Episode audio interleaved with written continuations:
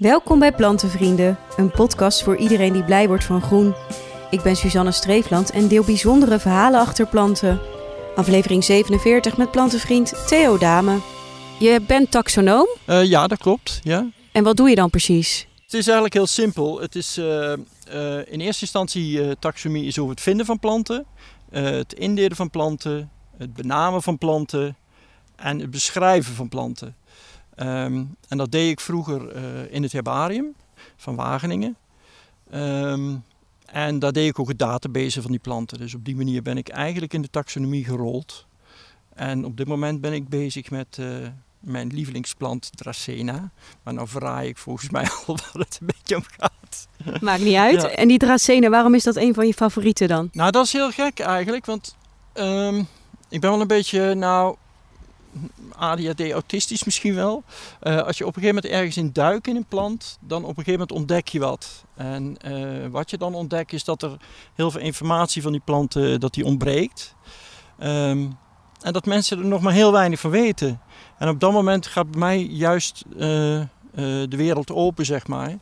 Dan, dan wil ik dat weten. En hoe zit dat nou? En waar komt dat door? Eh, eh, dat soort dingen. Dus dat is eigenlijk ehm, waarom dat ik meer in de taxonomie gegaan ben, eerlijk gezegd. En de Dracena is omdat Janjus Bos, dat was het vroeger een, ja, de ouderen onder jullie, die eh, kennen nog van Ja Natuurlijk, deed hij dat programma. En die was helemaal eh, gek van eh Dracena. En eigenlijk zijn nalatenschap heb ik moeten databasen ooit. En toen werd ik helemaal gefascineerd door die plant. Ehm, en ik vind hem inmiddels van een lelijke plant, want het is gewoon een afgrijzelijk lelijke plant eigenlijk. Want omschrijf hem eens. Ja, dat is een lastige, want het is, ik, ik doe het hele genus. Dus het genus Dracena, dus niet één enkele soort, maar het hele genus probeer ik mezelf in te verdiepen. Ehm, de, en dat varieert van de drakenboom op de Canarische eilanden, dus waar het drakenbloed en zo allemaal uitkomt. En ehm, de afgrijzelijke, lelijke studentenplant die bij iedereen op de kamer staat en eh, die niet door te krijgen is. En inmiddels vindt men dat Sansevieria, dus die ken je waarschijnlijk wel, ehm, dat die ook bij Dracena hoort. Bij dat, daar ben ik het niet mee eens. De vrouwentong. de vrouwentong, inderdaad. Ja. Ehm, maar het is nog veel variabeler. Eh, toen ik erin gedoken was, bleek dat er gewoon veel meer was dan alleen maar die drakenboom en die lelijke ehm, kamerplant. Inmiddels moet ik zeggen, vind ik die kamerplant ook weer mooi, want daar heb ik ook weer in verdiept. Dus zo gaat dat, ja. Want wat heb je ontdekt? Ja, nou ten eerste heb ik ontdekt dat er nog lang niet alles bekend was. En dat dacht ik. En eh, in Wageningen werkten we toen eh, aan de flora van Gabon. Gabon is een land in West-Afrika. Ehm, Centraal West-Afrika eigenlijk. Daar werken ze aan de flora. Ehm, daar kwamen dracena's voor, maar hoeveel en wat, dat wisten we niet. Dus ehm, wat we toen gedaan hebben is, eh, is nou, ik heb eerst voorgebouwd op herbariummateriaal. Dat is het allerbelangrijkste. Dus er is heel veel verzameld in de eeuwen. Ehm, en dat materiaal ga je bestuderen. Dat is ook de enige mogelijkheid dat je taxonomie eigenlijk kunt doen, is aan de hand van herbariummateriaal. En herbariummateriaal, dat zijn eigenlijk... Gedroogde eh, stukken plant waar nog zoveel mogelijk aan te zien is. En ik, ik kan heel snel zeggen waarom dat herbarium zo noodzakelijk is. Is bijvoorbeeld als je studie doet aan de eiken in Nederland. En je wil weten van wat is nou de soortafgrenzing van die eik. Van, van nou, wanneer gaat die over naar de volgende soort. Dan zou je de fiets kunnen nemen en dan zou je in Nederland kunnen gaan fietsen langs alle eikjes. En dan kom je in Duitsland langs eikjes. En nou ja, dus dat is onmogelijk, want je bent alweer vergeten, als je in Duitsland bent, ben je weer vergeten hoe die eik er in Nederland uitzag. En eh, aan de hand van herbariummateriaal kun je op tafels, leg je dat uit. En dan zie je in feite de hele range van, van, eh, van die soort, zie je dan op dat moment. Nou, dat geldt voor Dracena dus ook.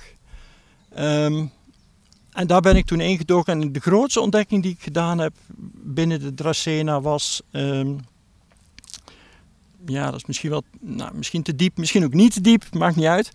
Dracenas worden, ehm, zijn al heel lang beschreven. Als je een, een plant beschrijft en je geeft er een naampje aan, dan moet je een type exemplaar aanwijzen. Dan moet je zeggen van nou, dit vel, dit stelt die soort voor en dat leg je dan ook vast. Dat is dan omkaderd, omlijnd, kun je niet meer aan tornen.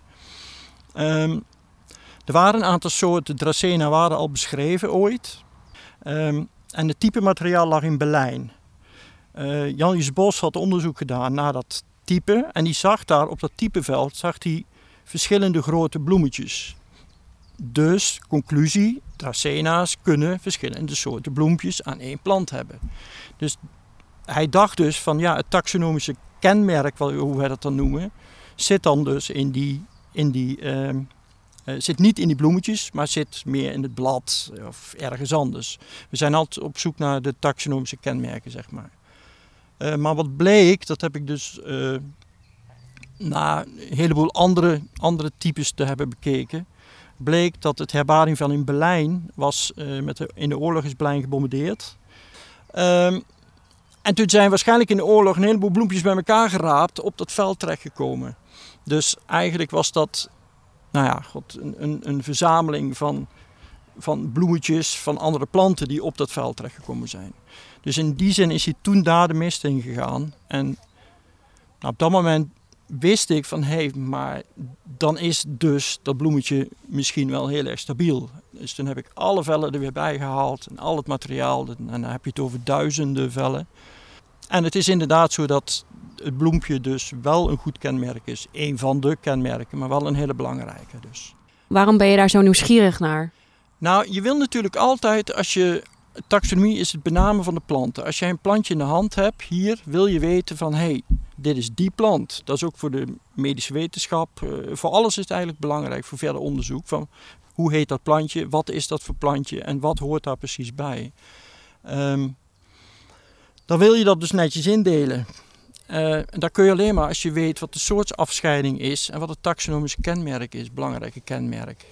Um, Kijk, genetica kun je natuurlijk inmiddels ook mee. Dus daar kun je behoorlijk wat mee indelen. Maar je merkt toch wel dat morfologie, dus het kijken naar het plantje zelf, dat er nog enorm belangrijk is om een goede indeling te kunnen maken. Zodat als jij straks in Gabon rondloopt met de flora, dat stukje, dat deeltje wat ik geschreven heb inmiddels, dat je dan kunt zien in de sleutel, sleutel je uit van nou, de blaadje die kant, bloemetje zo groot, nou dat is die boom.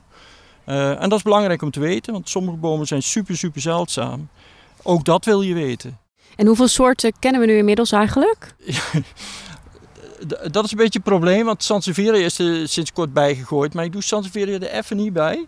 Dan zit je aan de 160 soorten zo'n beetje wereldwijd. Dus het, het geslacht uh, Dracena komt wereldwijd voor. Dus 160 soorten. En in Gabon zijn er, ik dacht, iets van 26 op dit moment. Dus dat is behoorlijk wat. En degene die jouw werk dan voortzet, die dus nu verder gaat met de Dracena? Nou, helaas ben ik degene die nog steeds verder gaat. Ja, kijk, bedoel, je hebt taxonomen die bij een universiteit aangesloten zijn.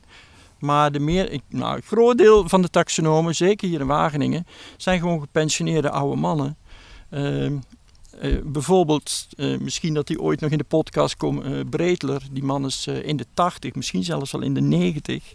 En die is nog steeds taxonomie aan het doen. Is, is een groot kenner van de flora van Afrika. Is, nou, ik geloof drie jaar geleden nog op expeditie geweest naar Gabon. Dus die weten enorm veel van. En er zijn meer mensen als Karel Jonkind, die doet hier in Wageningen is niet meer Nou, hij, ze zijn vaak gastmedewerker bij Naturalis of gastmedewerker bij uh. En het onderzoek wat ik doe voor Dracena doe ik voornamelijk voor de flora van Gabon en uh, die nu af is. Dus ik ben nu overgestapt naar uh, Congo, dus Centraal-Afrika. flora van Centraal-Afrika is dat. En die wordt in Meisen geschreven, zeg maar. Maar er is ook nog niks van bekend van Dracena. Dus er is nog best wel heel veel te ontdekken. Ehm, en het is nog altijd zo van als je een soort, ehm, een onbeschreven soort is ook een soort die snel uit zal sterven. Want je weet niet dat het, dat het de pijp uitgaat, zeg maar. Je weet niet dat het bestaat? Je weet niet dat het bestaat en je weet ook niet welk natuurgebied je moet beschermen om, om hem te beschermen. Want waarvoor is de Dracena precies belangrijk? Weet je dat? Uh, in de natuur bedoel je? In de natuur? uh, op zichzelf is hij natuurlijk al heel belangrijk, want het is een fantastisch mooie plant in het bos tenminste.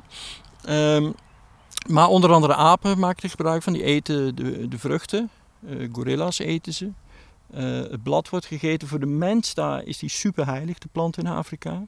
Dus hij wordt ook heel veel gebruikt voor um, grensbewaking. Dus, of nou, nee, sorry, grensafscheiding heet dat. Dat is als je zegt van nou, dit stukje grond is voor mij, dan zet je een dracena er neer. Ehm, een van de redenen dat hij heilig is, is ehm, omdat er ook wel goede stoffen in zitten. Er zitten nou ja, stoffen in die tegen bepaalde ziektes kunnen werken. Dus dat wordt in Afrika ook veel gebruikt. Ook voor initiatie van vrouwen wordt die veel gebruikt in Afrika. Maar wat ik ook denk, waarom dat men hem zo heilig vindt, is... Uh, het is niet voor niks een studentenplant. Je gooit hem uh, op de vuilhoop en hij groeit gewoon verder. Het ding is gewoon niet kapot te krijgen. Tenminste, de, heel veel soorten. Um,